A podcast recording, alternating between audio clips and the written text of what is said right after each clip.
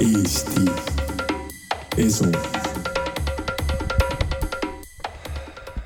tere, tere, alustab järjekordne Eesti Eso äh, podcast. mina olen saatejuht Taavet. täna on äh, külas mul äh, nõid Alissa Verde.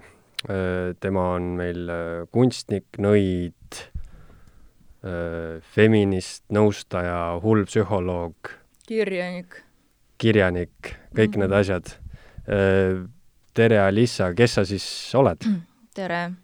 no loomulikult äh, minul oleks nagu meeldivam, kui Eestis mind teadaks selle järgi, et ma olen kirjanik ja kunstnik. no hetkel mul on kaks raamatut uh,, ma ei tea, kui palju ma peaksin veel valmis kirjutama selleks, et nagu selle, selle nõia välja elada ühesõnaga, sulle ei meeldi, kui öeldakse nõid, Alissa? no mitte eriti. no ütleme, oleneb kontekstist, aga ma ei tahaks, et mind kui inimest nagu äh, just ähm, mäletatakse selle järgi, et ma olen äh, võtnud osa selgeltnägijate tuleproovist ja mitte, mitte selle järgi, et ma olen päris häid raamatuid äh, kirjutanud ja et ma tegelen kunst, kunstiga. kas sa kirjutasid äh, need raamatud enne, kui sa osalesid selles saates või pärast? Ma kirjutasin pärast, ütleme, et ma andsin välja pärast, aga muidu nende raamatutega on nii, et materjali ma kogusin no peaaegu terve elu. nojah, see on ju see elu, elukool, mida sa nagunii kogud. aga väga-väga pikalt sellest saatest täna ei räägiks, aga aga natukene ikka, et, et kaks tuhat seitseteist või mhm. kaheksateist sa siis võitsid, on ju seitseteist. seitseteist äh, võitsid äh, Selgeltnägijate tuleproovi saate ja noh, äh, Eesti mõistes vist said kuulsaks, et, et kuidas see, kuidas see saates osalemine oli, kuidas sa sinna sattusid ja kuidas sa võitsid? no esiteks jah, meil nii väike riik, ma arvan, et iga teine inimene on kuidagi kuulus nii-öelda äh, et ma üldse ei saa rääkida kuulsusest äh, nagu, kui me räägime just konkreetselt Eestist no,. kohalikud kuulsused, ütleme nii, jah. no ütleme nii, et inimene, kes seda saadet vaatas ja oli sinu fänn, siis ta tunneb ikkagi tänaval sinu ära äh,? jah, teinekord mitte, kui ma olen pohmellis ja ilma meigita, aga äh, kuidas ma sattusin, mulle lihtsalt kirjutas äh, minu sõbranna, et kuule mm,, siin, siin kutsuti, et umbes äh, lähme käime seal, proovime, äkki pääseme läbi, no lihtsalt, et äh, midagigi teha mm, -hmm. et mhm. kui pakutakse, siis miks mitte. ja siis ma jõin ka palju äh,, palju rohkem kui praegu äh, et no põhimõtteliselt iga päev ma olin purjus ja alustasin juba äh, vara hommikust ja muidugi ma mõtlesin, et miks mitte. ma ei mäleta, kuidas äh, läks see äh, eelnevalt mingi ma tean, et ma rääkisin kas produtsendiga ja tema abilisega, kellegiga ma rääkisin laua taga, nad küsisid midagi, siis ma midagi vastasin. ja sa olid purjus siis? jaa, ma ei mäleta seda üldse mm. Äh, ja siis, äh, siis kui ma juba tulin sinna katsetele, äh, seda ma juba mäletan, siis ma ei olnud veel nii purjus. ja siis, kui oli see Širmi ülesanne, mul on väga halb meel selle üle, et siiamaani minu joonistus, ma ei tea, kuhu see kadus, vist keegi ei ole seda vaadanud, aga ma päris täpselt arvasin ära, mis seal Širmi taga on. ja ma esimesena andsin ära oma selle lehe sest et ma ei suhtunud üldse sellesse tõsiselt, no nagu arvan ära hästi, mitte siis mitte lähen edasi jooma. ja juhtus nii, et ma täitsa arvasin ära, mis seal širmi taga on, ma joonistasin seda meest äh, sellise nagu mütsiga, mis oli niisugune äh, mina mõtlesin, et midagi paavsti taolist. Mm.. ja, ja siis pärast, kui ma küsisin, et kas te nägite mu seda joonistust, siis öeldi, et ei, ei näinud, kas jäi kahe silma vahele või siis keegi seal või siis mulle meelega nii öeldi, ma ei tea. no iga, igal juhul siis mind kutsuti sinna auto ülesannet teha, ma ei arvanud ära, mingi kõrvalauto oli tegelikult ja fotodega ülesanne, no see oli üldse lihtne, sest äh, ma töötan inimestega, ma olen väga hea psühholoog ja mul on väga hea intuitsioon kõik. niiviisi juhtus, et mind võeti sinna äh, sellise noh, suure, suure nii-öelda äh, skeptilisusega, sest et ega ma ei olnud seal väga äh, ütleme, vau, vau mm -hmm. tegelane ja autot ma ka ei arvanud ära, no niiviisi. aga see, ütleme siis, mille järgi sa siis näiteks selle mehe joonistasid, et kas sa ütlesid, et sul on väga hea intuitsioon, et kas sa nagu enne seda saadet üldse keskendusid ei. endale kui mingi nõiale või? ei, ma lihtsalt tulin, öeldi ülesanne mm, -hmm ja siis see toimub nii, et lihtsalt, mis pähe tuleb, seda panedki kirja. aga kuidas need, ma mõtlen jah, et mind huvitab see, kuidas need võimed või kuidas see nagu info sinuni tuleb, et kas sa hakkad mingeid nägemusi nägema, kas keegi räägib sinuga? ei, keegi minuga ei räägi, ma kedagi ei näe, see oleks skisofreenia, siis kohe otse Paldiski maanteele.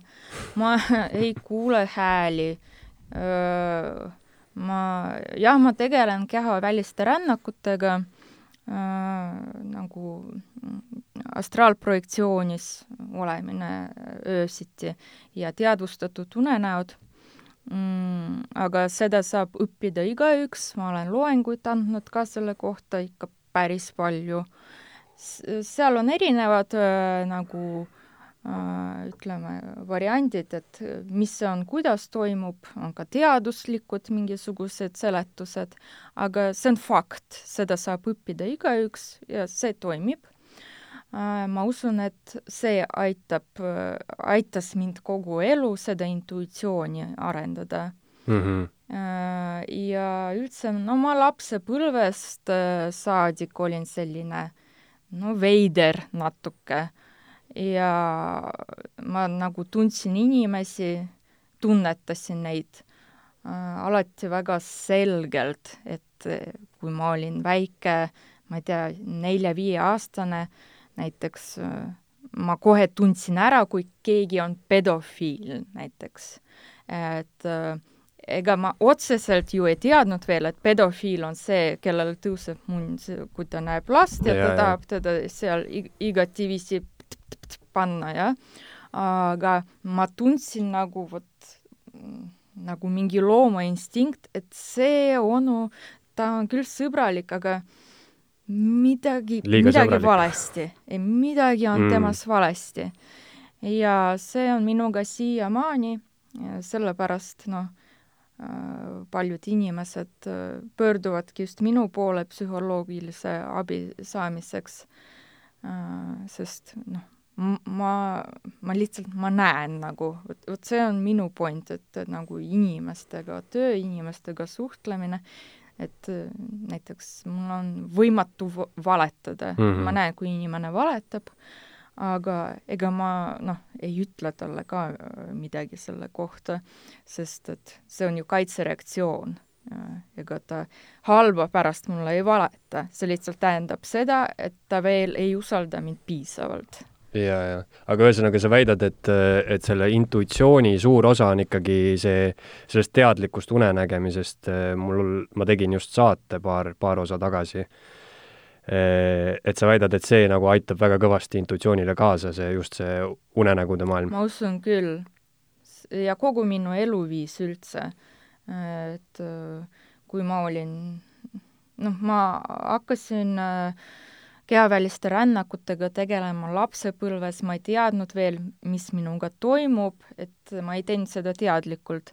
aga siis, kui ma olin mingi kolmteist, ma sattusin internetti ja, ja Castaneda raamatuid äh, lugesin läbi, siis ma sain aru nagu, millega on tegemist ja hakkasin mm, sellega teadlikult tegelema ja Castaneda, ütleme, see on kõige tähtsam autor vist üldse minu elus, kui ma olin neliteist, viisteist, kui ma lugesin kõik läbi, ma otsustasin enda jaoks äh, ükskord ära, et ma valin mitte inimese elu, mitte inimese tee, vaid nii-öelda selle Castaneda sõdalase tee. Mm..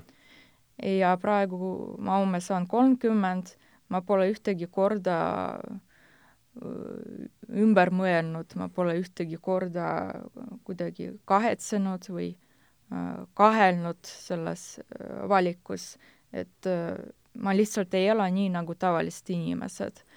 ja ma teen kõike selleks, et see soodustaks minu intuitsiooni, minu mingisuguseid nii-öelda noh, mitte päris loomulikke võimeid kuigi mulle ei meeldi kõik see esot-, esoteritiseerimine, et ähm, teisi nagu inimesi, kui nad hakkavad rääkima oma mingitest võimetest, no ma olen kõige suurem skeptik vist, ma arvan, et minu ees on kas skisofreenik või hüsteerik, kellele meeldib jah, seal teha mingit etendust, või siis äh, teadlikult on mingi petis jah, seda ma olen äh, mitme inimese käest, saatekülalise käest ka küsinud, et, et just sellistest äh, üleloomulikest võimetest rääkides, siis äh, paljud ikkagi usuvad, et need võimed nagu kas sul on või ei ole, et kas nad sünnivad sulle kaasa või mitte, eks ju.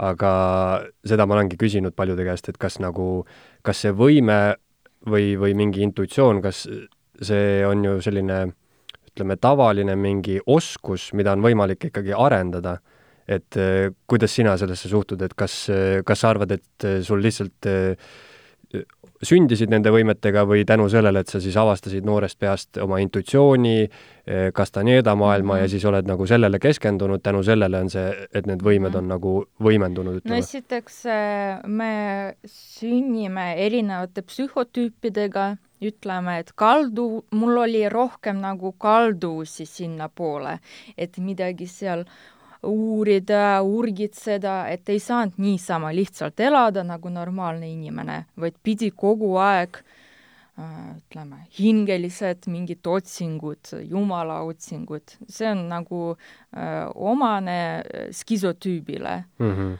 et öö, ähm, aga ma olen absoluutselt veendunud, et igaüks saab arendada endas äh, neid nii, nii-öelda äh, kuidas äh, mitteloomulikke võimeid mm. -hmm. tegelikult see toi-, äh, tundub mitteloomulik, sest äh, sul pole piisavalt teadmisi. meile kõigile tundub imelik äh, hirmus, see, mis on teadmatu. kui sa hakkad seda uurima ja sellega tege-, tegu-, tegelema, sa leiad nagu põhjendusi. ja see on valiku küsimus. kas sa jälle valid tavalise inimese elu ja seal sööd liha, sünnitad lapsi, magad nagu tavaline inimene, ei tegele mingisuguste seal rännakutega, no ja, ja elad nii või sa valid seda teistsugust teed ja sul ei tule lapsi, ma ei söö liha üle kümne aasta ja boonus on see, jah, et ma, mul on parem intuitsioon ja öösiti mul on väga huvitav elu mm -hmm. kehast välja minnes.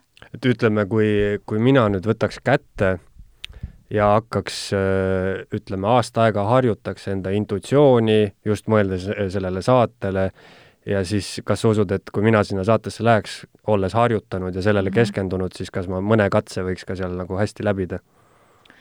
Äh, mul mingit garantiid loomulikult ei ole, aga ma usun, et sul oleks palju rohkem võimalusi mm, Mhm. -hmm. noh, ütleme, et tõenäosus nagu tõuseks, et sa oled teistest öö, parem. mina sain aru siis, kui ma juba seal osalesin, et muidugi mul on eeliseid et sa ütlesid ka, et alguses väga hästi ei läinud need katsed, aga mm. -hmm. aga lõpuks sa on ju võitsid selle saate, et kes Mhm. selle saate nagu jooksul hakkas sul järjest paremini välja tulema. ei vaata, miks ma võitsin selle saate, inimesed valisid mind. miks Aa, nad mind ja, ja, ja. valisid?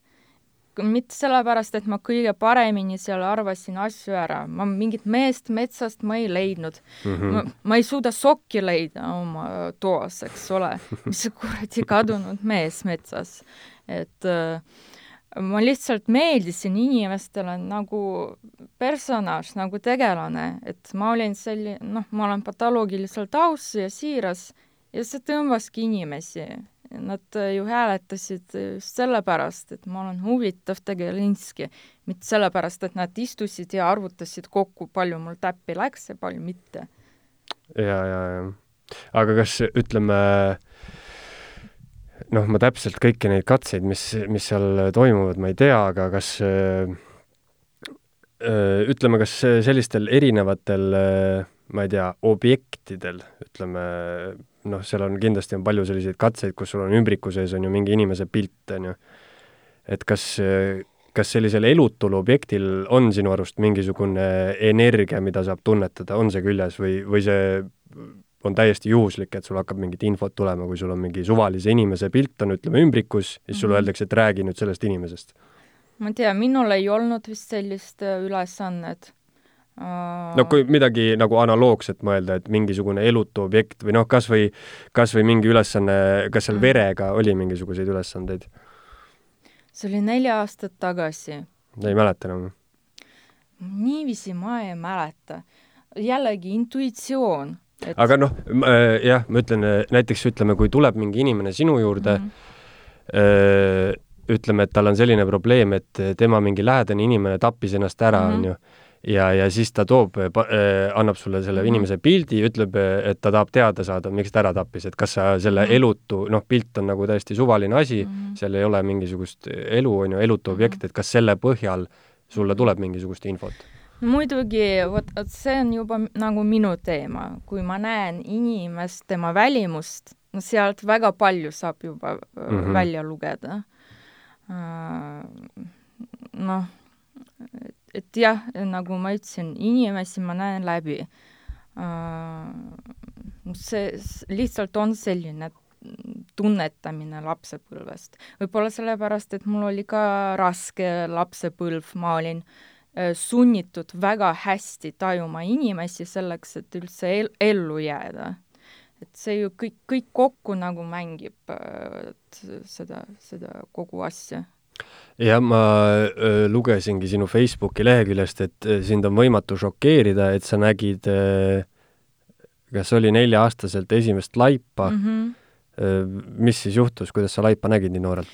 see oli nii, vaata, ma elasin seal Kopli lõpus ja pidi, seal oli viiekorruseline maja, elasime neljandal korrusel ja siis hommikul pidi minema lasteaeda ja minu ema seal sättis oma juukseid midagi, ütles, et ah, mine alla juba, no sinna paranasse, ma kohe lähen, kohe tulen mm, kaasa.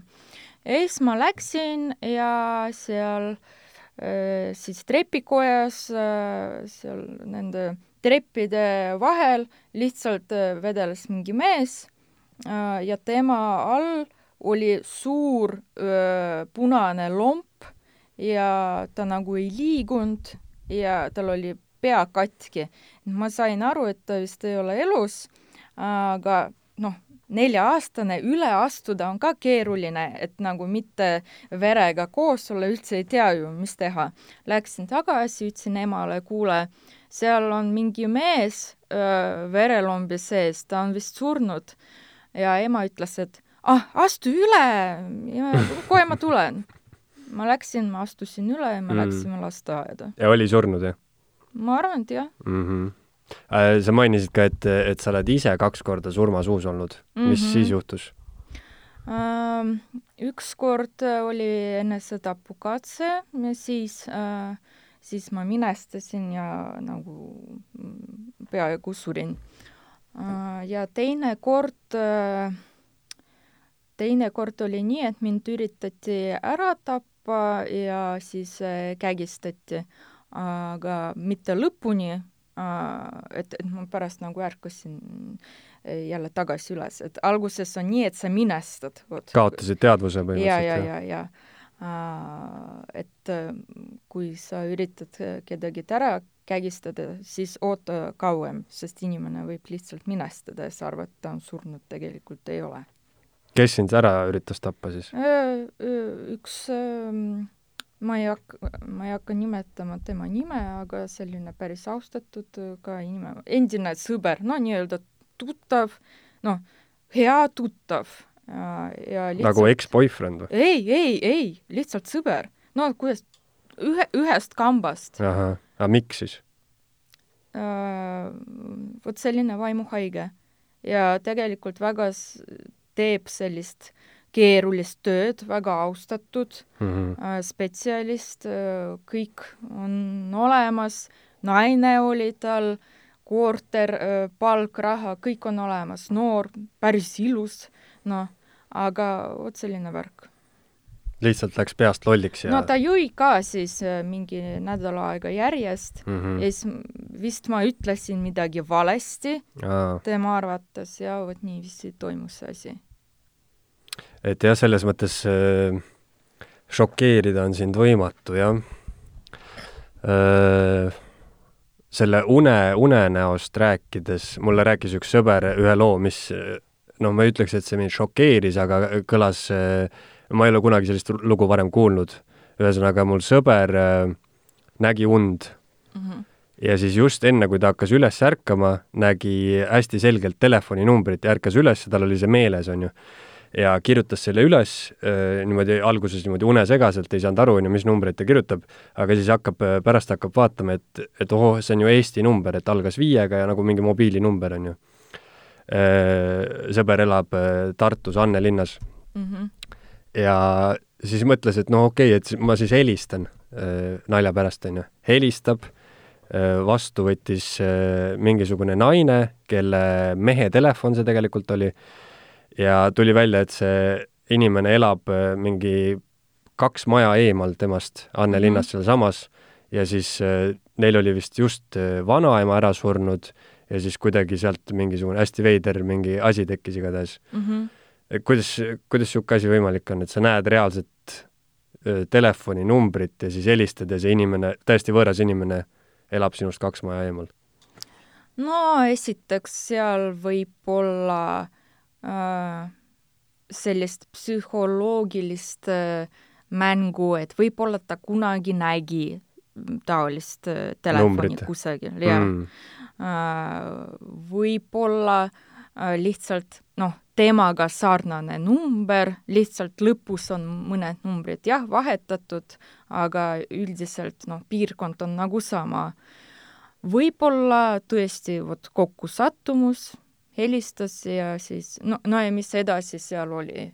Seal oligi lihtsalt... mingi, ma täpselt ei mäleta, lihtsalt noh, see faktor oli kõige jaburam, et ta nagu nägi unes noh, mingit suvalist numbrit, et ta ütles, et alguses ei saanud isegi aru et mhm. mis number see on, lihtsalt pani kähku kirja, mhm. on ju.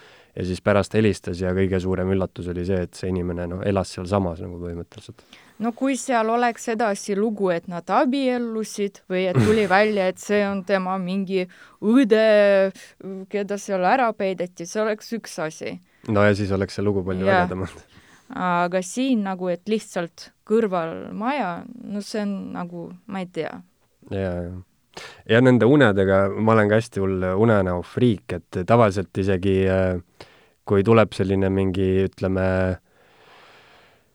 mingi tähenduslik unenägu või selline, no ütleme, ajalooline unenägu, eh, kus sa oled mingis ajas tagasi mm -hmm. kuskil, eh, et siis eh, suht hästi on ikkagi aru saada sellest, või noh, vähemalt kui ma hommikul üles ärkan ja mul on see meeles, siis mul on suht hästi, saan aru sellest, et kas reaalselt nagu mingi film, mida ma vaatasin, on seda mõjutanud või see siis päriselt oligi mingi selline asi, mis noh, ma ei tea, oli mingi arhetüüpne unenägu mm -hmm. või mis iganes. aga unest rääkides äh, ma ütlesin, rääkisin enda ühe sõbrale, et mul oli ükskord niimoodi, et ma jäin äh, keset päeva, kui oli valge nagu, jäin äh, voodi peale magama, päeval lihtsalt nii väsinud olin ja niimoodi, et äh, jalad olid nagu maas, panin lihtsalt selili mm -hmm. voodi peale, jäin magama, siis ärkan üles mm, -hmm. mul olid vist silmad lahti vist, jäin magama, et ma nagu nägin enda tuba, mhm. onju. ja siis ma ärkan üles, vaatan ringi, kõik on tuba, onju, keeran, keeran selja taha, vaatan, et ma ikka laman mm, -hmm. ikka mhm. magan veel. ja ma tegin sedasama äh, Äh, ülesärkamist mingi viis-kuus -hmm. korda ja lõpuks ma läksin nagu veits paanikasse, mõtlesin, et ma ei saagi -hmm. enam üles ärgata. kas see on mingi astraalrännak? jaa, sa lihtsalt äh, ajasid segi äh, kehi äh, et vahest see juhtub, äh, mul lapsepõlves tihti juhtus, eriti kui olin väga väsinud, ei tahtnud kooli minna mm. -hmm. sa ajad segi lihtsalt äh, oma astraalkeha oma füüsilise kehaga, sellepärast et väga sarnased on tunded, et sa tunnetad seda samamoodi nagu füüsilist keha. ei, ei pea kartma, lihtsalt nagu kui sa said aru, et noh, ärkasid jälle ja jälle ja ikka oled astraalkehas. nagu umbes ei saagi üles ärgata, kuigi arvad, et ärkasid? no füüsilise asemel, siis mm -hmm. sa mhm. lihtsalt nagu äh, üks, üks variant on see, et seisad toas ja lihtsalt äh, hüppa kõhuli, et sa hüppad nagu õhus ja et kukud nagu kõht, mm -hmm. all, alla, siis sa ärkad. Äh, võid näiteks aknast välja hüpata, äh, siis sa ka ärkad. Äh, või no mina näiteks lihtsalt teen nii, et nii, ärkan päriselt mm. -hmm. ja siis ma ärkan juba nagu selle füüsilises kehas. aga üldse ma küll ei hakkaks seda tegema meeleldi. selle asemel sa võid minna rännata teha lahedaid asju. et vastupidi, tavaliselt on see probleem, et äh, liiga kiiresti ärkad oma füüsilises kehas et nojah, mul juhtus ka see selles mõttes täitsa kogemata, et mm -hmm. ma ei üritanud, aga ma lihtsalt mäletan seda hästi veidrat tunnet, et et ma justkui nagu ärkasin üles mm, -hmm. siis mhm. vaatan selja taha ja näen nagu ennast magamas. et see on jah, et mi, kus ma siis olen, on ju. et mina magan ju seal, aga praegu mm -hmm. ma, tundub, et ma olen üleval ja nii ongi, et äh, kui sa ronid välja oma astraalkehas, siis sa võid näha, kuidas sinu füüsiline keha vedeleb. Mm.. okei okay,, aga, aga rääkides äh, veel nendest, äh, nendest võimetest, et et kas sul noh, ma mõtlen selle saate jooksul just, et sul on ju kaamerad on ees mm, -hmm. öeldakse, et näed, siin on ülesanne, hakka tegema, on ju. Mhm. et kas sul selle intuitsiooni või võimetega, kas sul on nagu, et sa saad välja ja sisse seda lülitada või see on sul nagu kogu aeg töötab? see on minuga kogu aeg. no ma nagu elan nii, ma, ma ei saa ju minna suhelda inimestega ja siis mitte näha neid, ütleme mm. -hmm keeruline jaa, siis kui need äh, kõik filmimine toimus, äh, seal oli küll noh, raske selles mõttes, et kogu aeg kaamerad käivad, siis midagi sinult palutakse, ei saa aru, mida, siis midagi läks valesti, filmime uuesti, väga palju aega sellele kõigele läks, vahest oli külm, ei viitsi, noh, nagu selline värk. ja selline praktiline telesaate tegemine mm. -hmm ma nägin äh, ühe sinu postituse või pildi all vist oli äh, hashtag satanic witch mm. -hmm. kas sul on kuidagi saatanaga otseühendus? ei ma üldse, ma ei ole usklik mm, -hmm. alustame sellest. ja ma usun, et on olemas demiurg, ütleme. mis, mis asi see on? No üldine jumal mm. -hmm. et on mingisugune võim olemas, kes pani mind siia elama maailmasse ja mm, kes nagu sundis mind elama ja surema mingi hetk.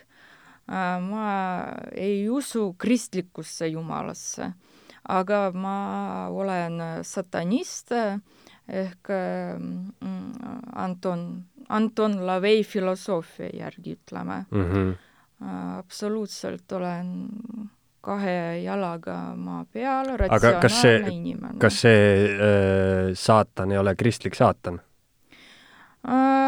Noh, seda kasutatakse nagu sümbolina mm, -hmm. ütleme, mida sümboliseerib äh, saatan, jah, äh, seda pra-, praktiline, äh, küüniline, kriitiline ellusuhtumine.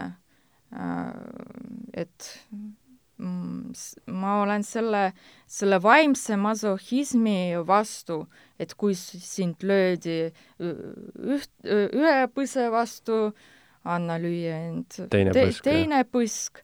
no see on perverssus, ütleme, ma olen absoluutselt selle vastu. Äh, ühiskond äh, niiviisi ei toimi, ei arene edaspidi. Äh, et kui inimene on sulle mingi sitta kokku keeranud, sa pead talle ära seletama, et niiviisi asjad ei käi. sa ei pea ütlema, ah, umbes, et noh, mine, mina andestan mm. -hmm. sina andestad ja see inimene tuleb järgmine päev minule, teeb samasugust sitta ja mina pean sinu asemel talle hakkama seletama, et niiviisi asjad ei käi. Ma olen progressi poolt, teadus, progress Äh, biotehnoloogiad, mm, kõik, vot ma olen vot absoluutselt selle poolt ainult.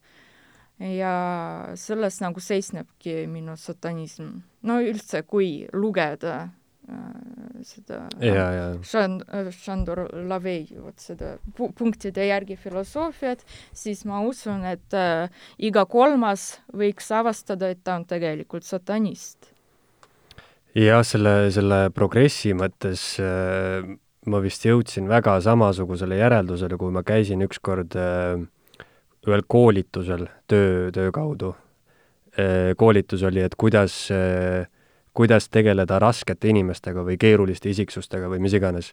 ja ühesõnaga noh, seal toodi igasugu erinevaid tehnikaid välja, et umbes, et kui sul on töö juures kolleeg on mingi hull tõbras, on ju, et kuidas siis temaga käituda ja nii edasi, et üks tehnika oli siis selline, et et umbes, et, et ära aja teda närvi, noh, tee talle mingi vastuteene umbes, et ta ei hakkaks mingit hullu panema ja siis noh, mulle tundus ka see nagu ebaloogiline, et umbes, et kui sina nagu ütleme nii, et sina selle keerulise inimesega tegelema ei pea, on ju, siis ta läheb ja teeb seda kellelegi teisele ja siis see nagu normaliseerib seda tõprana käitumist põhimõtteliselt, et peab ikka äh, no ütleme, peab nagu mingi konflikti ikkagi tekitama, äh, ilma, ilma ei toimugi, noh, see inimene ei arene, vaata muidugi, ju. jah, vaata, oleneb äh, olukorrast, mis konkreetselt seal tööl toimub, aga muidu inimesi peab äh, paika panema mm, -hmm. seda kindlasti, sest et peab olema ettenägelik, kaugelenägelik, ütleme äh,, niiviisi öelda, et ah, et mina andestan või et mina ei taha konflikti see ei ole heategu, see on äh, äh, ar-, argus, ar-, argus. argus, jah. argus, jah, et pole vaja sassi ajada vot äh, neid asju äh,. väga mugav on peita oma seda argust äh, millegi, millegi ilusa taga, jah ja, ja et ma olen äh, kõva andestaja. ja, ja, ja, ja, et umbes noh, karma teda karistab, no sittagi ei karista teda mingi karma mm. -hmm. et me näeme tohutult inimesi, kes elavad väga ilusasti ja see karma kuidagi väga aeglaselt jookseb, et ta nendeni ei jõua. vaatame sedasama Venemaad kogu korruptsiooniga, no nii edasi karmast rääkides, eile läksin siit majast välja, tuleb minu juurde mingi täiesti tavaline, natuke vanem mees, keskealine mees, hakkab inglise keeles minuga rääkima, et, et oi, et sul on äh, nii äge habe, ja siis hakkab mulle ajama mingit juttu, et äh, sul on nii hea karma, kas sa oled mingi firma juht, et sul on hästi positiivne ellusuhtumine, kindlasti sa saad kunagi firma juhiks, siis ma mõtlen, et noh, mis asja, et see mees hakkab lihtsalt tänaval, hakkab mulle mingit kiidulaulu laulma aga siis ta ikkagi võttis välja Krishna raamatu ja ütles, et kas sa saad midagi annetada just, just. ja, ja, ja see on tüüpiline, et kui keegi tuleb ja hakkab niiviisi sulle neid komplimente seal pähe laulma. siis ta tahab midagi. jah, oota seda, et ta võtab mingi brošüüri välja või palub sinult raha, ma ei tea Mm. pilet, rongipiletit on vaja osta nii-öelda. ta oli jah väga valmistunud, ma ütlesin, et mul ei ole sularaha, siis ta ütles mm. -hmm. mul on see pangakaardi see automaat olemas tohoh, niiviisi praegu käivad või? ma mäletan, ma läksin nendega riidu mingid ka jälle tuhat aastat tagasi ja siis nad käisid ain-, ainult nagu sulas äh, võtsid Mhm. ta andis mulle, ta andis selle Krishna raamatu mm. -hmm. siis ma ütlesin, et, et mul ei ole sularaha, siis ta ütles, et pangakaardiga saab ka, siis ma ütlesin, et okei okay,, ma ikkagi ei anna, siis ta võttis raamatu ära ja ütles, et okei okay,, head päeva siis ja, ja, ja aga, aga rääkides eh, sellest jah, saatanast ja jumalast, et, et eh, ütleme, selle satanistliku õpetuse järgi on siis saatan nagu selline hästi loogilisele mm. -hmm. maailmale, on ju. aga kui neid võrrelda niimoodi sümbolites, siis no hästi kergelt võib võtta nagu must ja valge, jumal on siis valge, on ju, kuri ja hea mm, -hmm. taevas ja põrgu, on ju, et eh, ja samamoodi räägivad kõiksugu eh, nõiad ja selgeltnägijad eh, mustast ja valgest maagiast, et mis sina sellest arvad, kas sina kasutad näiteks mingit musta maagiat, kas sa ütleksid niimoodi? kõik see lugu ei talu mitte mingisugust kriitikat.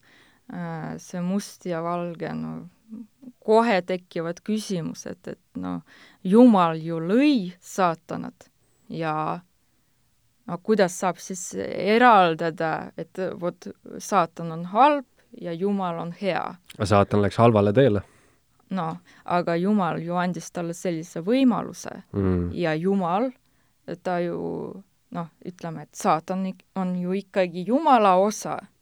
no ta on langenud ingel ju. jah, aga ikkagi Jumalal on ju võim kõige üle, absoluutselt kõige üle. No ju siis talle meeldib, et on olemas saatan tema mingisuguste mängudega. no see peab olema, muidu ei ole mingit tasakaalu. tasakaalu milles? hea ja halva või noh, selles mõttes, et kui sul on kõik liiga, kui mitte miski ei ole halvasti, siis sa ei saa ka aru, et miski on hästi. no sellistesse mängudesse nagu hea ja halb ma üldse ei mängi, elu on palju keerulisem, on olemas olukord, on olemas asjaolud ja on olemas mingisugune keemiline protsess ajus ja mm, reaktsioon ja siis definitsioon, kas see on halb või hea. kõik äh, oleneb asjaoludest kas sa ütleks siis, et, et noh, sa oled kindlasti kuulnud seda väljendit, et umbes, et kui kellegiga vaidled, siis keegi ütleb sulle, et umbes, et maailm ei ole nii must ja valge või mis iganes mm. -hmm. et kas siis maailm on, ta ei ole ei must, ei valge, kas ta on hall siis, kui sa paned need kokku? kõik, kõik äh, sitavarjundid, ma ütleksin. viiskümmend erinevat sitavarjundit. jaa, palju rohkem isegi Mm. -hmm. aga jah, see, just see noh, inimesed, kellel, kes väidavad, et neil on mingid võimed, tihtipeale tuleb see must ja valge maagia jutuks, et umbes a la, et valge maagia on siis mingi selline, mis nagu peaks aitama inimesi või ravima või kuidagi ja siis must maagia on igasugused needused ja ja mis iganes, et, et kas sina paned inimestele needuseid peale näiteks? ma ütleme, see, mida mina saaksin teha, no ma ei tea, kui palju on neid inimesi, kes saaksid samamoodi sellega hakkama, kuna ma saan aru, et minu, kui ma läheksin kurjaks ja tõesti sooviks, et inimene näiteks sureks või tal oleks, läheks väga sitasti, siis ma saan aru, et see juhtuks, aga ma, ma ei võta enda peale sellise vast-, vastutuse ja noh, inimesed üldiselt ei ole võimelised teha mulle niivõrd halba, et ma peaksin kuidagi niiviisi kätte maksma. aga jällegi, ma räägin ainult endast mm, -hmm. kui, kui need, noh, et sa mainid need nii-öelda selgeltnägijad, kogu see hullumaja vastuvõtuosakond, no lihtsalt ma ei suhtu sellesse tõsiselt. muidugi ma olen kuulnud ja kuulanud neid äh, jutte, no see on kas, need on kas hüsteerikud, kellele meeldib niiviisi endale sisestada midagi, nad tõesti usuvad seda ja no need on needsamad inimesed, kes seal Jehoova tunnistajate juures käivad, krishnaitide juures, siis nad saavadki midagi seal tunda. väga inimesed, kellele on kerge midagi sisestada, lähevad sellega kaasa ja teine, teine osa on need skisofreenikud, et nad tõesti jällegi usuvad sellesse, mida nad räägivad. Nad võivad kuul-, kuulda hääli, näha sümboleid, veel midagi, aga noh, see on haigus, seda peab ravima. et äh, mingit praktilist tolku sellest ei ole. noh, ma, ma ei näe, et nad elaksid hästi, need inimesed. eestlased on selles mõttes äh vist äh, üsna nagu maausku rahvas ja, ja noh, kõik, kõik teavad, et äh, selline nõiad, külatargad, esoteerikud on, on meil kõik hästi populaarsed ja paljud inimesed käivad selliste inimeste vastuvõtul, nagu ka sinu vastuvõttudel. aga jah, seal tulebki mängu see suur, miks on ka paljud sellised, ütleme, realistlikuma maailmavaatega inimesed on hästi vihased, et hästi paku, hästi palju tekib sellisesse kampa nagu šarlatane, kes lihtsalt kasutavad inimesi ära, võtavad neilt mhm. raha ja ajavad neile mingit täielikku umbluud. et eh, nii palju, kui sa oled ise, siis eh, kas seal saates või üleüldse elus kokku puutunud nende nõidade ja selgeltnägijatega, et kas eh, kas sa oled nagu puutunud selliste inimestega kokku, kes, kellel sinu arvates vähemalt tõesti nagu on võimed, kes, kes ei ole šarlatanid? ei, tolade kari. ei ole selliseid inimesi? Pole ühtegi näinud ja mina, noh, minu juures käivad inimesed just psühholoogilist abi saamas, et äh, mina olen kõikide nende ravitsejate vastu, ma saadan inimesi, äh, mul on kabinet kohe hullumaja vastas. Mm, -hmm. saadan neid otse sinna üle tee ma kirjutan, teen nimekirja ravimitest, mida mina võiksin soovitada. ja siis ma ütlen, ainult psühhiaater saab sulle välja kirjutada, mine palun sinna ja hakka tegelema oma tervisega.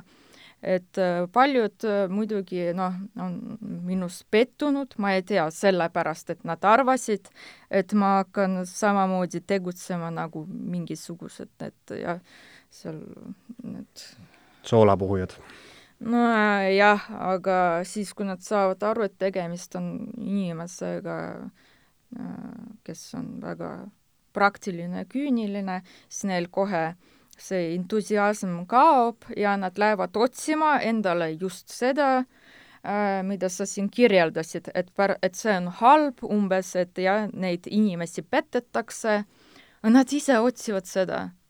Nad äh, tõesti solvuvad minu peale, kui ma ei hakka nendega sellesse mängu mängima, nad otsivad seda, neile see meeldib, palun.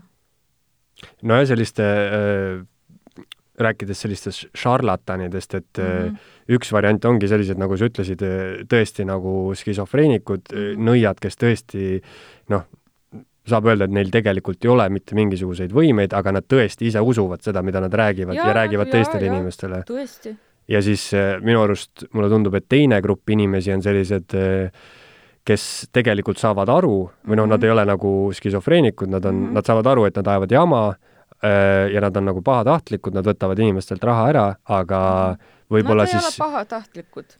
või noh nad..., nad kasutavad inimesi ära selles mõttes? ei, nad, nemad arvavad, et nad aitavad inimesi, nemad arvavad, et nad annavad inimesele lootust mm. -hmm et äh, nad teevad sellise, teevad tuju paremaks äh,, et äh, mitte keegi ei, ei ole siin maailmas selline, kes mõtleb, nüüd ma hakkan halbu asju tegema, kurat. no igatahes paljude selliste inimeste võib-olla vabandus on see, et lollidelt tulebki raha ära võtta võib-olla mõnel on, aga noh, vaata, siin inimesed leiavad üksteist sest need, see loll rahvas, kes selle asemel, et seal minna ravida oma selga arstide juures. ei, ta keeldub tablettidest, ta arvab, et kõik tahavad teda ära mürgitada, et kogu see farmaatsiamaffia ja ta läheb mingisuguse Ervini juurde ja ütleb, davai, sina hakkad mind ravima mm. -hmm. ja too ütleb, no olgu davai, ma hakkan sind ravima. palun, nad on üksteist leidnud. Siin See ei on- ole halba ega head. see on iseenesest või noh, võib päris ohtlikuks minna, kui tegemist on mingi tõsiste haigustega, on ju, ja, jaa, aga kui inimesel aru pole, siis me ei saa mitte midagi sellega teha, ta õpib ainult oma kogemusest ja kahjuks ainult halvast. mm -hmm. kui sul aru ei ole peas, vabandust, sa sured teistest varem. Et ühesõnaga, sina selliseid eh, tarokaarte ei hakka inimesele panema, kes tuleb? tarokaarte ma panen, aga mitte igaühele ja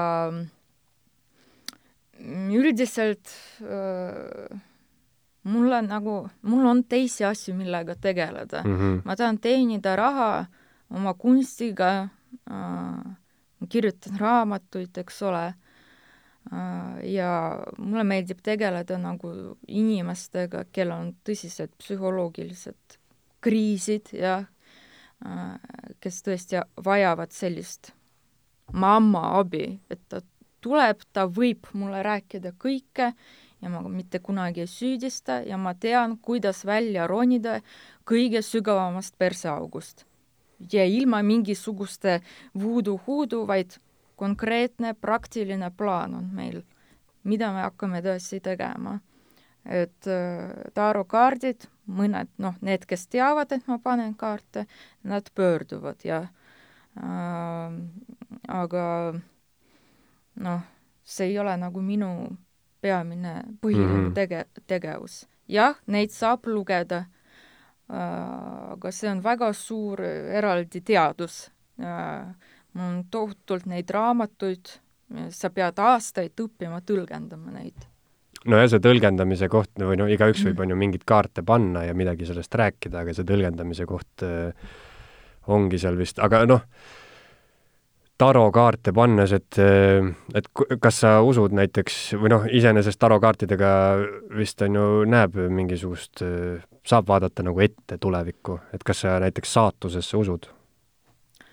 Äh, ma arvan, et saatus on äh, mõttetu termin, sest et ükskõik, no on see olemas või mitte äh,, mis see annab sulle? kas sa saad midagi muuta? no ütleme, seal tekib see, see vaba tahte küsimus, et, et kui, kui ma usun, et, et mina saan iseenda valikuid mm -hmm. teha, on ju, jah, siis ma võib-olla vastutan enda elu eest rohkem, aga kui ma usun, et keegi kõrgem või kuskil on kõik juba Mhm. paika pandud, et kõik läheb nagunii, ükskõik mida ma üritaks, kõik läheb nagunii mingit kindlat rada pidi, et siis või noh, see on selles mõttes jah, hirmutav mõte, et siis sa nagu võib-olla lased kontrolli sa ju niikuinii teed ise valikuid.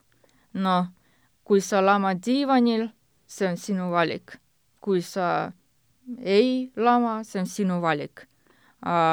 ja siis lõpus võib öelda, see kõik oli saatus. mis see muudab? mitte sittagi. mõttetu täiesti.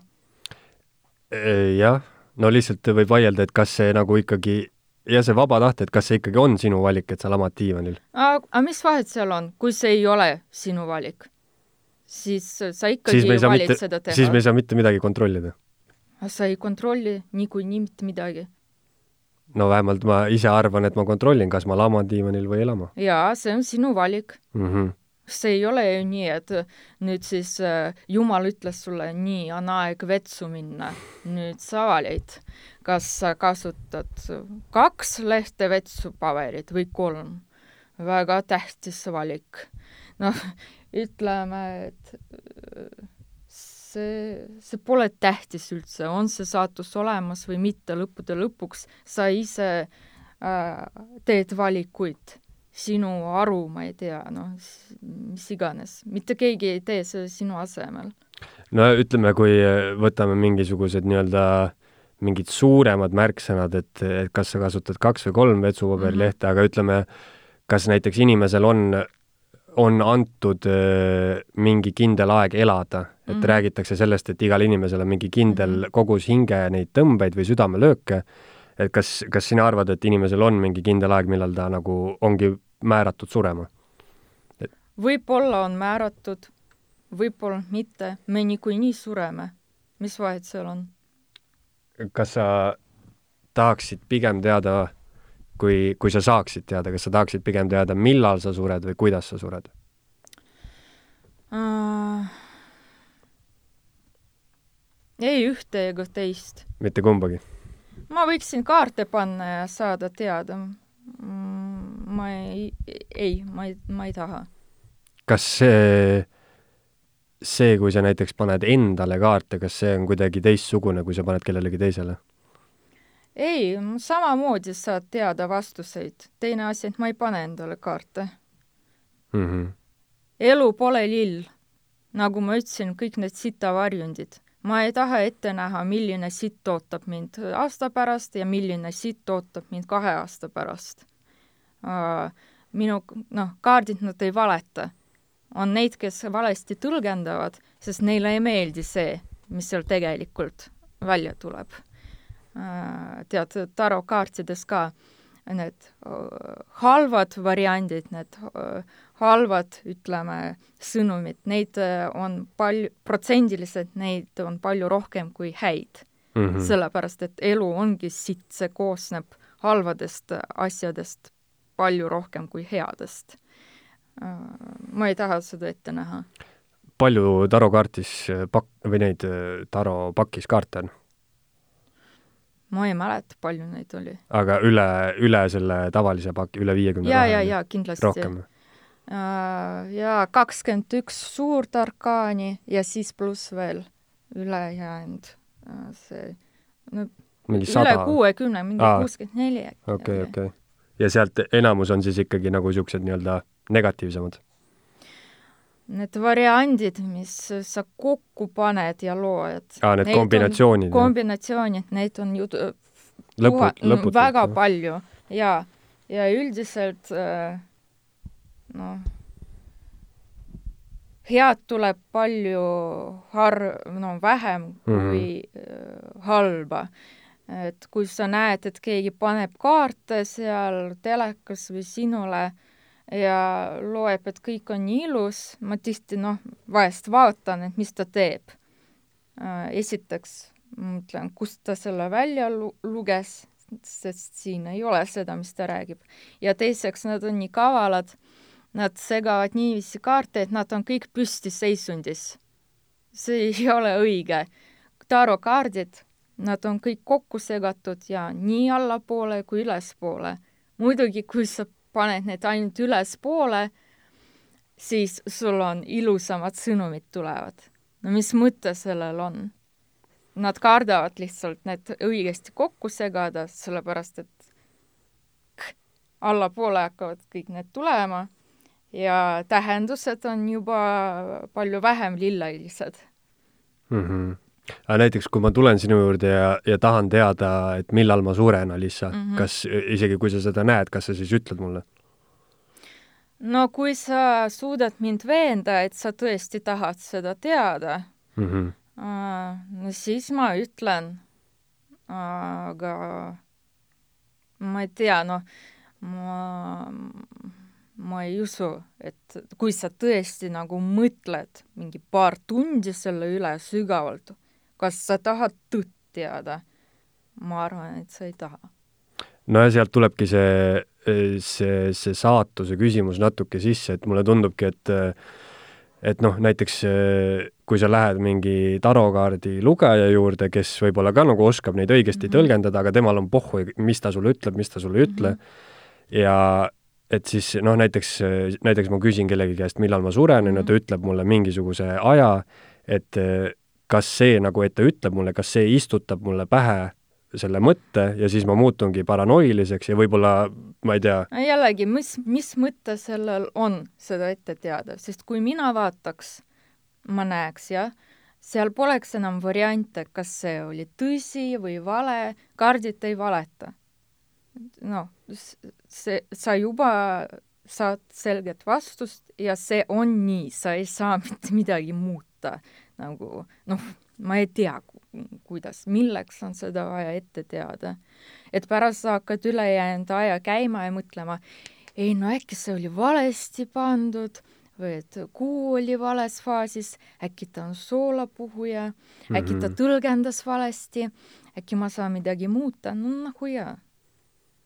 Nojah, võib-olla inimesed, kes noh, on nagu loomulikule surmale lähemal, vanemad inimesed, võib-olla äh, võib-olla nende mõttes oleks see natuke põhjendatud, et, et nad no, tahavad, on ju, teada, kas nad, et kas nad elavad veel nagu mingi kolm aastat või kümme aastat, on ju, et seal on suur vahe, on ju. no ma panen kaarte, nagu vabalt räägin siis, kui keegi küsib oma sugulase kohta, et mm -hmm. on mhm. näiteks mingi noh, ema on hästi vana, seal mingi üheksakümmend viis aastat ja siis küsib seal inimene kas noh, palju tal jäänud on, kas aasta või viis, et ma saaks arvestada, no siis ma ütlen jah. aga kui inimene niiviisi nokib nina, ütleb mm,, aga kaua ma elan mm? -hmm. selliseid on palju.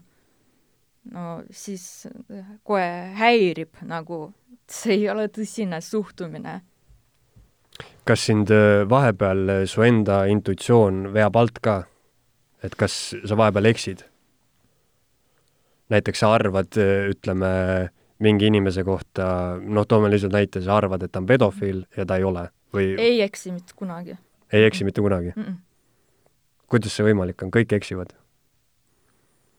selles suhtes ei, ma ei eksi. ma ei tea, ma lihtsalt näen inimesi läbi, noh, lihtsalt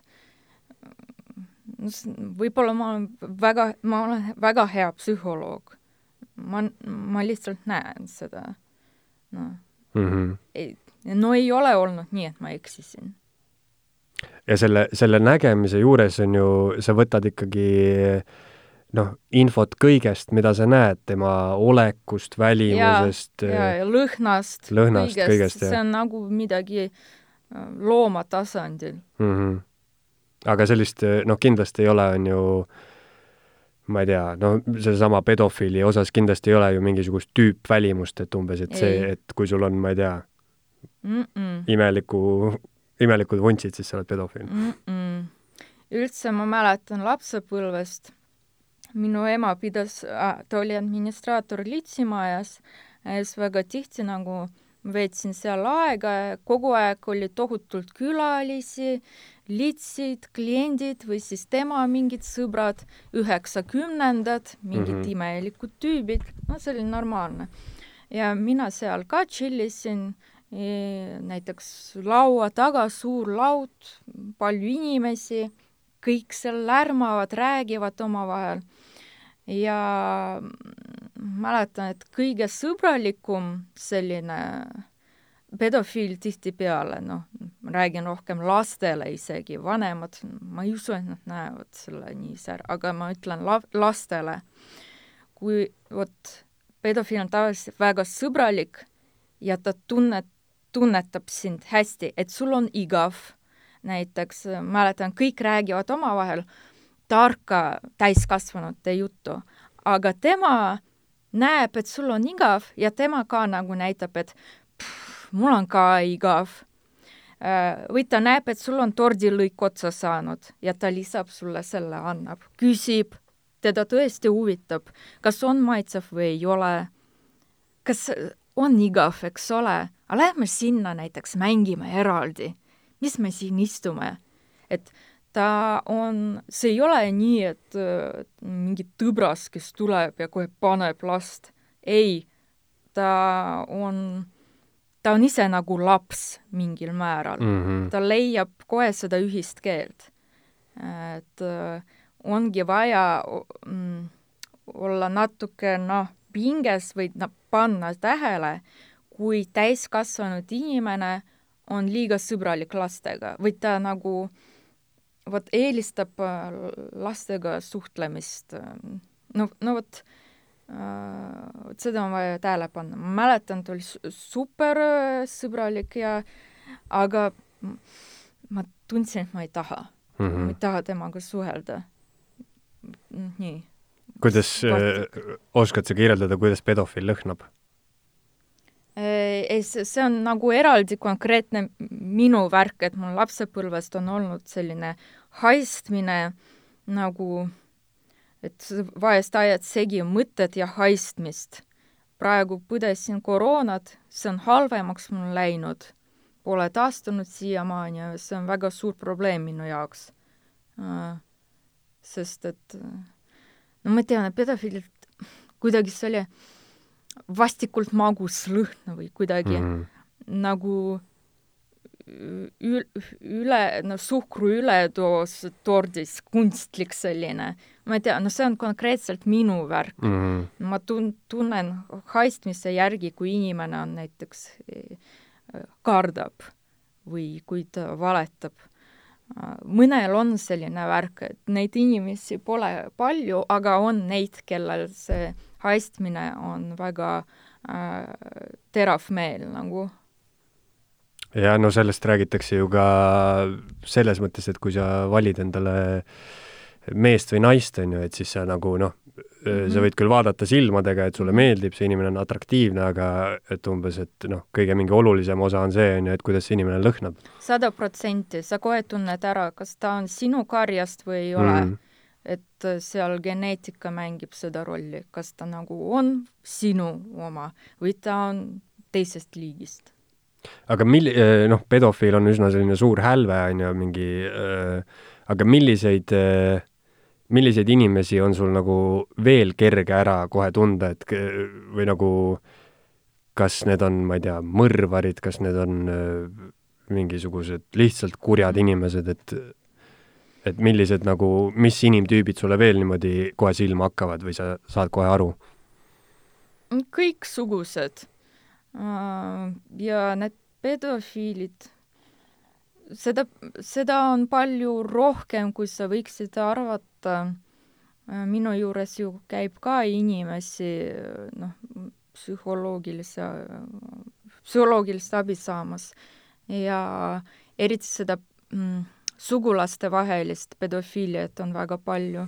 ma võin öelda, et kurat, no iga kolmas laps oli ühel või teisel moel kogenud seksuaalset ahistamist lapsepõlves.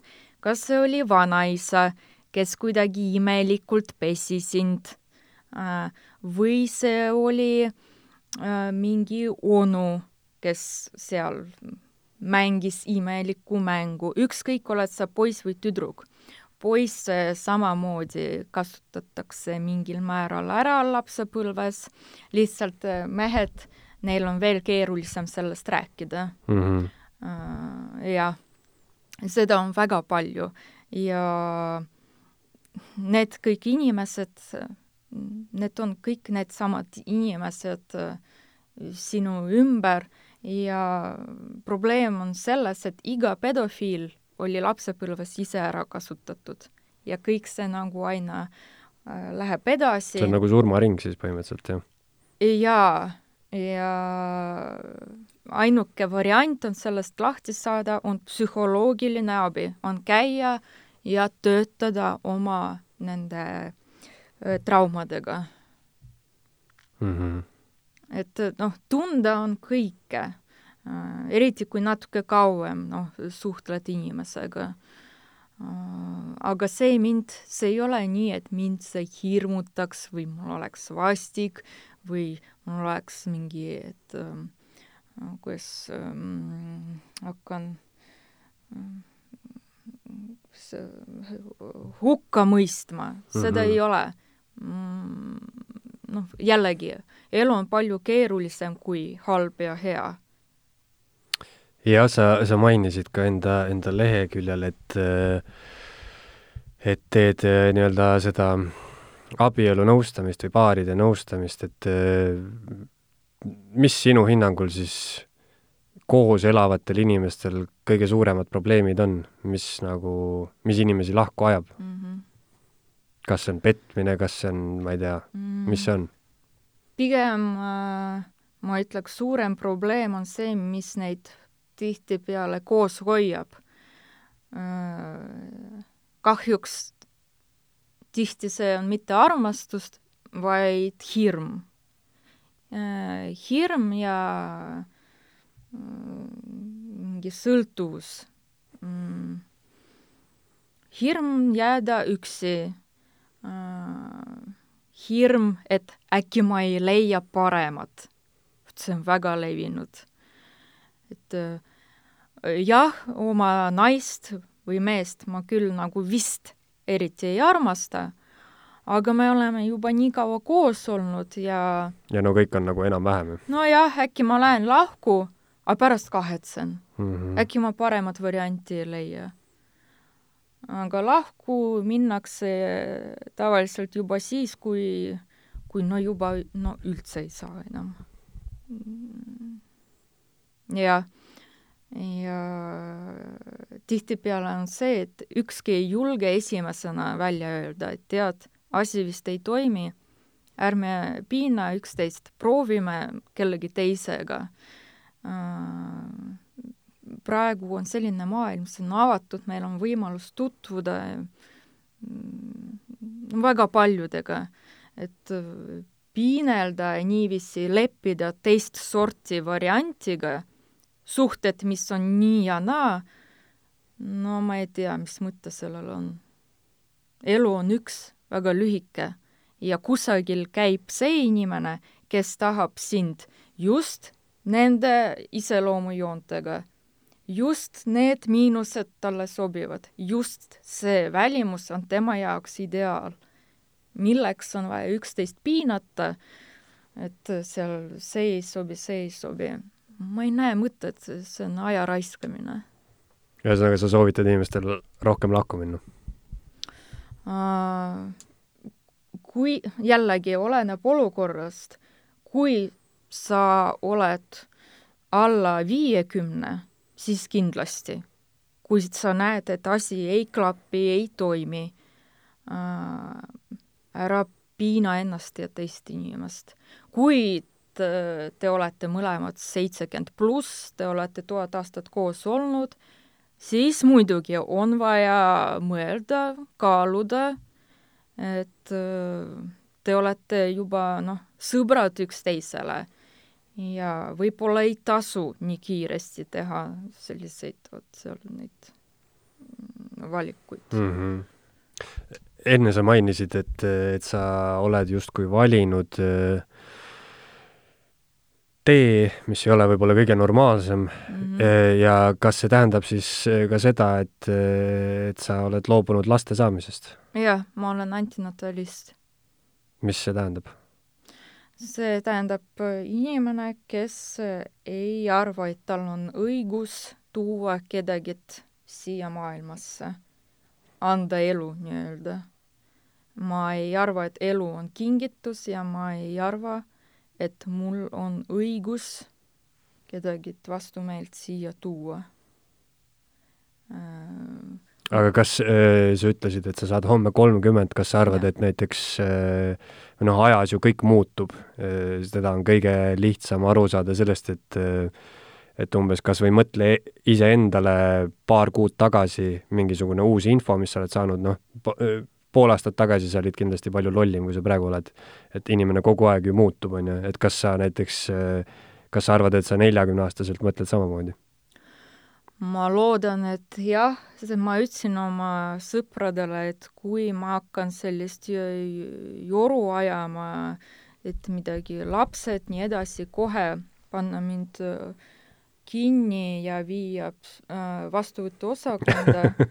kui poole aastaga ei aita äh, ravimine, siis vaikselt on vaja mind ära mürgitada, et ma ei teeks seda jubedat viga. ja üldse ma mõtlesin, ma mõtlesin see aasta teha seda sterilisatsiooni, aga noh, koroona, kõik need asjad, noh, praegu pole nagu eriti aktuaalne.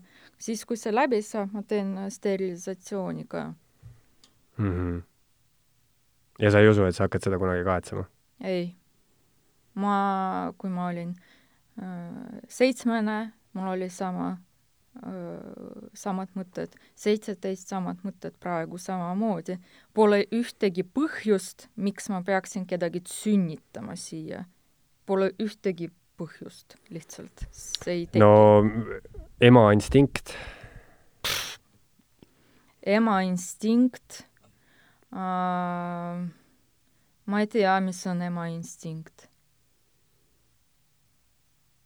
kas sinul on ema instinkt? Minul ei ole, aga mina ei ole ka naine. vot, minu emal ei, ei olnud ema instinkti mm,. paljudel seda üldse ma, ma ei tea, kas on selline asi olemas, et kuidas see on tõestatud, on see kuidagi üldse tõestatud, mis asi see on, et eh, mingi hetk ärkad ja et kurat, mul on kohe vaja kedagi tussist välja tulistada, järjest suren, kui ei sünnita.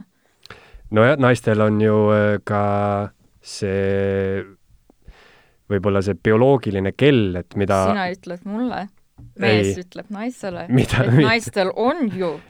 no selles mõttes, et äh, viiekümneaastaselt on palju raskem lapsi saada kui kahekümneaastaselt. jaa, mul see ei ole meditsiin. see aktuaalne, ma ei, ma ei, ma ei hakka tahtma last saama. okei okay., äh, teine asi, mis sa mainisid, äh, et intuitsioon püsiks terav, selle jaoks ei tohi süüa liha. Või, või tähendab, kas tohib või sa, see on lihtsalt sinu arvamus? kui sa tahad teravat intuitsiooni, siis äh, jah, on need reeglid mingisugused, mida sa jälgid. Ja kui sa neid jälgid, sul on rohkem energiat ja puhtam, puhtam, ütleme, see intuitsiooni signaal, ütleme. kui sa sööd laipu, signaal on halb, kaob mm -hmm. nagu Nokias vanasti, tead, väga sihuke imelik. kui sa sünnitasid last, no võid üldiselt head aega öelda mm. oma mingitele ekstra võimetele. ma siin kogu aeg näitan jutumärkides mm. -hmm. et ähm, noh, kõik sa pead, sa annad ennast ära lapsele, ta sööb kõike sinust, sinu energiat, võid ära unustada mingisugustest nõiade eest. no kui sa magad vähe, kui sa ei maga seal, ma ei tea, viis-kuus tundi päevas, võid öelda head aega teadvustatud unenägemisele. öösel peab magama kindlasti. seal on omad reeglid. Ja mulle tundub, et ilmselt kõik on seda ise tundnud, et kui sa pikemat aega ei söö, või noh, mina just, ma otseselt selle taimetoitluse või liha peale ei ole niimoodi mõelnud, aga ma tean, et kui pikemat aega ei söö, siis, siis sa noh, igapäevaselt juba sa muutud selliseks, sul on hästi palju mingit energiat, sul isegi noh, mingid meeled lähevad nii-öelda teravaks, et sa oled sellises ütleme siis näljaseisundis, kui sa oled näljane ja see on äh, hästi loogiliselt seletatav, et umbes, et äh, sa pididki noh, ütleme ammustel aegadel, kui sa metsas ise süüa endale jahtisid, et kui sa olid näljane, siis sa pididki olema nagu teravam ja teravamate instinktidega, et sa saaksid nagu enda saagi looma kätte, on ju, söögi. et äh, ma olen ise jah seda täheldanud, et, äh, et lihtsalt kui sa nagu nälgid, siis sa oled ka, või no otseselt ei nälgi, kui sa ütleme, päev aega ei ole söönud siis sul on õhtul näiteks raske magama jääda, sest sul on, sa oled nagu kuidagi nii, nii ärkvel mm,? ma ei mäleta, kuidas ma ennast tundsin, kui ma liha sõin, ma olin neliteist, kui ma loobusin lihast mm,. ma ei saa öelda, et ma kuidagi oleks näljane kõik need aastad. ei, ma söön ja ülekaal, ülekaalulisega oli ka probleeme aga lihtsalt noh, ma ei suhtu loomadesse nagu toidusse, jällegi ma arvan mm, -hmm. et mhm. mul ei ole õigust kedagi süüa, ma pole nii tähtis inimene, et keegi peaks surema minu lõunasöögi nimel, ma ei saa endale seda lubada. kas äh, rääkides ülekaalust, kas äh, sellel on ka mingi seos, et mida, et mida ütleme, et kui sa oled paks, kas sul saab olla nii hea intuitsioon? Ei, muidugi seal on juba probleem, et noh, peagi kui ma olin ülekaaluline, siis äh, seal juba rohkem keskendud sellele, mis sa sööd, mida sa ei söö, palju sul on vaja alla võtta ja pluss palju stressi. inimene, kellel on liigne kaal, ta on stressis, tal on lahendamata psühholoogilised probleemid. Et äh, seal on vaja need alguses baasprobleemid lahendada ja juba peale seda võib suunduda kus, kuskile sinna hingelistele nendele värkidele.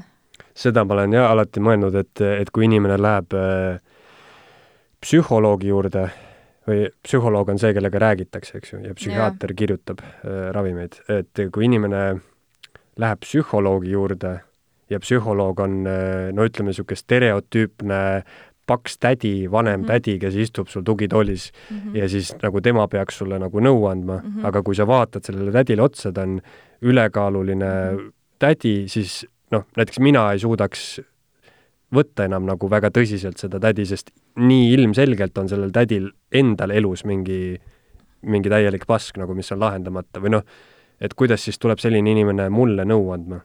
Tead äh,, siin ma ei nõustu, sellepärast et noh, minul näiteks jällegi on omad probleemid ja mina äh, käin kord äh, kuus äh,, ma maksan raha, mul on psühhoterapeut pluss psühholoog pluss äh, psühhiaater, noh, lihtsalt üks inimene Venemaalt, väga hea spetsialist, sellepärast et äh, mm, meie psüühika on nii kaval, et mul on endal psühholoogilised, psühholoogilised kaitsemehhanismid, mis äh, ei anna mul näha vahest olukorda äh, ütleme, objektiivselt. et psühholoog vajab endale psühholoogi. aga teiste inimeste probleem ma saan lahendada jällegi, kui me räägime maailma parimatest treeneritest, näiteks iluuisutamises või seal poksimises, mis iganes, ta võib juba olla seal õllekaga näiteks mm, -hmm. aga ta on oma ala spetsialist, ta teeb sinust äh, kangelast, aga ta ise võib olla täiesti vormist väljas. no okei okay,, ja selle, selles mõttes ma olen nõus, jah, niipidi ma ei mõelnud aga ja, lihtsalt üle, üleüldiselt äh, mulle noh, sellise nagu elu õpetamisega tundub äh, no ütleme, toome kas või lihtsa näide, näite, kui ma lähen kuhugi mis iganes kuradi terapeudi juurde ja tahan suitsetamist maha jätta, siis äh, kui see inimene, kes hakkab mulle rääkima, kuidas suitsetamist maha mhm. jätta mm, -hmm. ei ole ise mitte kunagi suitsetanud, siis äh, ma lihtsalt ei usu teda, sest ta ei tea, et mida see tähendab nagu? siin on vaja lihtsalt leida endale sobiv terapeut mm, -hmm. endale sobiv äh, spetsialist äh,, sellepärast on ka erinevaid psühholooge äh,, mõni on narkoloog, teine konkreetselt lastega tegeleb äh,, kolmas seal, vot mina tegelen kriisidega, mulle meeldivad rasked juused, sellised no see on minu teema. ja sa mainisid ka, et, et töötad sõltlastega, et mm -hmm. ja siin rääkisime, et läksid Selgeltnägijate mhm. saatesse purjus peaga, et kuidas sul endal sõltuvustega on, et kas äh, olen nendega väga tuttav äh, ja farmaatsia osas ma olen väga teadlik, nii et selle, ka veel sellepärast ma võin aidata äh, inimest, kellel on sõltuvused, need kalduvused, sest ma tean, millest ma räägin, ise samasugune.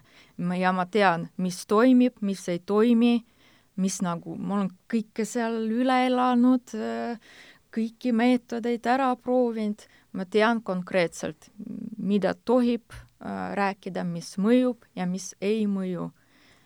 Peagi sõltuvused on ka erinevad, et äh, ka narkootikumid kui ütleme, stimulaatorite, amfitamiinide sõltlane erineb, ütleme, alkohoolikust. ja iga juhus on eraldi juhus mm. -hmm. et jah, ma ise olin vägagi sihuke viinanina üks aeg mm -hmm. ja erinevaid perioode on olnud jah praegu nagu õnneks vot sellist probleemi pole. võin vahest juua, aga pole vot sellist vajadust nagu varem. et sa põhimõtteliselt ikkagi said siis sellest sõltuvusest lahti? ma tean, kuidas äh, seda reguleerida, kuidas sellega elada ja kuidas olla pikemas remissioonis. aga joodiku geeniga ma olen surma lõpuni. Kas sa seda usud, et inimene sünnib ka joodiku geeniga?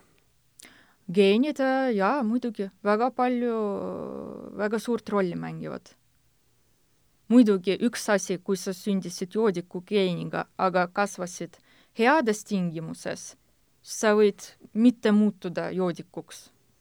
teine asi, kui joodiku geen pluss veel kõik tingimused selleks, et sa saaksid alkohoolikuks, no siis on sada protsenti, et sul tekib probleem. ja sellel äh, üleskasvamisel on kindlasti väga suur, on ju, mõju, et ma olengi mõelnud äh, või no ise äh, kunagi tudengipõlves just, kui ma läksin, on ju, sinna ülikooli ja siis, siis sa näed kõiki neid inimesi, kes on põhimõtteliselt, on ju, kodudest tulnud, ja siis mulle tundubki, et see võib minna kahte suunda et näiteks laps, kes on äh, kasvanud noh, ütleme karsklastest äh, vanematega, on ju, üles, mitte kunagi ei ole tal lubatud juua mitte midagi, siis lõpuks, kui ta saab iseseisva elu peale, siis ta läheb hulluks, ta hakkab täiesti noh, hakkab jooma, hakkab kõike seda tegema, mis on nagu, on ju, tema õpetustele vastu. või siis on vastupidi, et kui on laps, kes on kasvanud joodikutest vanematega, siis tal tekib nagu metsik vastikus tekib selle vastu ja, ja siis ta nagu mitte kunagi ei puutu alkoholi nagu tilkagi jah, see on väga tüüpiline mm. -hmm. et see on hästi äh, ilmselt individuaalne igalühel, on ju, et kuidas ta reageerib sellele. äärmused, äärmused äh, on alati äh, väga, annavad ekstreemseid äh, tulemusi äh,, sest äh, võib olla karsklaste perekond, aga äh, ühes kar-, karsklaste perekonnas lihtsalt ei pöörata tähelepanu alkoholile, aga teises perekonnas räägitakse sellest pidevalt, rõhutakse, et näed, seal need joodikud, nad on teist sorti inimesed või et, et ma kunagi ei näeks sind joomas mm, -hmm. kui sa kunagi õlut võtad, tapan ära, see on teine lugu juba jah.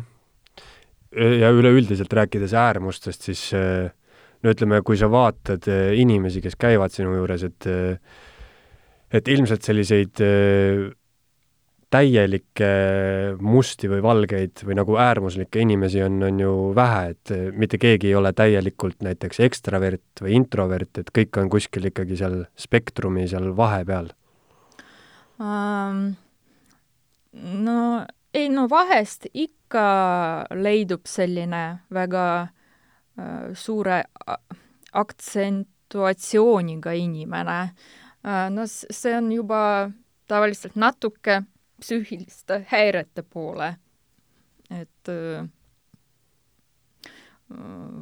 ikkagi, kui on jällegi mingid äärmused, tavaliselt seal on juba mingi psühhiaater peaks tegelema, natuke vaatama ja jälgima seda asja. Rääkides enda nii-öelda siis nende küsimärgi või tähendab jutumärkides mm -hmm. võimete teravana hoidmisest ja, ja intuitsiooni harjutamisest, siis sa ei söö liha, sa tegeled teadliku unenägemisega, magad palju, et on sul veel mingisuguseid igapäevaseid praktikaid või mingeid rituaale, mida sa, mida sa kogu aeg teed? Äh, tähtis on just vältida rituaale, mm, vältida seda mõtet, et mingisugune näiteks amulett, vot kui sa kannad selle kaasa, siis kõik läheb hästi. kui mitte, siis halvasti. sa sündisid siia paljana, sa sured paljana. ja mis kuradi tugev nõid sa oled, kui sind, sinu võimeid saab mõjutada mingisugune metallitükk või mingi joodud viinapits, ütleme, jah. kui mulle heideti ette, et vot sa äh, oled umbes äh, kuidas, spirituaalne inimene ja, ja siis jo-, jood äh, nagu vanapagan no,. Spirit ongi inglise keeles ju alkohol. jah no esiteks jällegi, ma pole kunagi väitnud, et ma olen mingi spirituaalne guru, ma lihtsalt elan enda elu ja kui ma tahan juua, siis ma joon. ja teiseks jällegi, no mis jõust me räägime, kui sind võib äh, nii-öelda ära tappa mingi viinapits, no see on naljakas. teine asi, kus sa oled täiesti paljas, sul sittagi pole ja sa oled ikkagi võimeline teha suuri tegusid, sa oled võimeline kurat ellu jääda kõikides elutingimustes. et äh, see nagu eluviis nagu ka mõtetes, et ma, ma lähen magama äh, mõtetega surmast ja ma ärkan mõtetega surmast äh, ma püüan elada nii, et kõik minu äh, teod igapäevased oleksid ilusad. sest et äh, noh, iga sinu tegu võib jääda viimaseks. ja nagu mul raamatus ka kirjas, lõppude lõpuks, mis on tähtis, ainult üks asi, et sinu viimane tegu oleks esteetiline, et see oleks ilus mis sa arvad, mis pärast surma juhtub? Ma ei tea, no kindlasti mitte paradiis ega põrgu, jälle need kristlikud äh, mingid jubedad lood, sest äh, ma ju har-, harjutan, ma ju tegutsen kehaväliste rännakutega, no juba näha, sa oled ise juba tundnud, et füüsilise kehaga vist ei lõpe asi. see tundub mulle kõige ebatõenäolisem variant, et lihtsalt kõik. Et äh, seda kindlasti mitte äh,. pigem ma usun seda, et äh, et sa saad nii-öelda uut keha endale, reinkarnatsioon. sünnid nagu uuesti põhimõtteliselt, jah? jah. aga mis konkreetselt toimub peale surma, mitte keegi ei saa öelda. tea. ei tea, jah? ma ei tea sellepärast ma kardan surma. jah. Mida ma tahtsingi küsida ah,? Öö...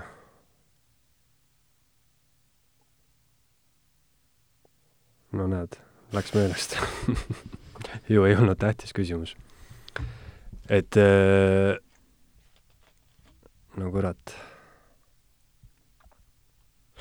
okei okay,, viimane, viimane tegu oleks oleks ilus, see on nagu äh, ja ma ei ole seda mõtet varem kuulnud, et see on äh, päris hea vist äh, mingi põhimõte või nagu mingi moto, mille järgi elada.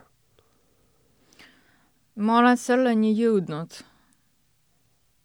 ja siis vahepeal kindlasti tekib see tunne, kui sa no mingit sitta kokku keerad, et siis, äh, et nüüd ei tahaks ära surra, sest viimane tegu oli nõme üldiselt ma, võib-olla see kõlab kuidagi liiga enesekindlalt, aga üldiselt ma ei tee selliseid asju. ma vastutan iga oma äh, teo eest. et äh, mul ei juhtu nii, et ma alguses teen midagi ja pärast ma mõtlen, et umbes oi, see vist oli täiesti nagu puusse no üldiselt ei ole mm. -hmm. Seda ma tahtsingi vist öelda, et, et nagu ma enne küsisin, et kas sa mingisuguste elutute objektide, asjade energiasse usud, et, et nagu ma aru sain, siis kui sa, ma ei tea, ilma mingisuguse pendlita mitte midagi ei näe, siis see ei ole mingi õige nõid, on ju. et sul ei ole nagu kodus mingisugust tuhat kristalli, millel on igalühel oma tähendus ja ma ei usu, et nad pendliga ka näevad mm. -hmm. ma ei tea, mina ei usu sellesse. Kristallid, no kristallid, okei okay., no mis, mis siis? on mingisugustel kividel mingi energia? ma ei tea, mina pole kokku puutunud kivide energiaga. ma ei mm. tea üldse, millest nad räägivad, kui nad räägivad energiast ma tean füüsika järgi, mis on energia, eks ole. Seal see, mida nemad mõtlevad, vist midagi teist, mitte see teaduslik energia. nojah, see surmast rääkides siis on ju ka, ongi füüsikaline energiajäävuse seadus, et yeah. energia ei saa kuhugi kaduda, ta saab ainult muutuda yeah. või liikuda et siis see nagu surma mõttes tundub ka nagu ebaloogiline, et lihtsalt kõik lõpeb ära nagu. jah, jah. aga ma arvan, et äh, tõmbamegi otsad kokku. Okei. mis sa veel öelda tahad? ma tahan öelda, et ähm, lugege minu raamatuid. viimane on Sinuga ühes palatis, seal on lahedad lood pä-, pä-, päris elust, hullumajast. ja praegu olen saanud väga häid, head tagasisidet kriitikute käest äh,. ma arvan, et suur töö oli tehtud ja vaadake internetist äh, minu kunstitöid, äh, ma teen huvitavaid portreesid, et kui tahate kingitust teha oma tuttavatele, lähedastele, võite tellida vabalt. teen erinevates tehnikates, vot nii. on sul mingi veebileht või kust inimesed? jaa, mul on veebileht heavymeditation.com selge, lugege Alissa raamatuid ja vaadake tema kunsti. aga aitäh igatahes, et said tulla palun, aitäh ja palju õnne sulle homseks! jaa, aitäh! okei okay.. Eesti Esu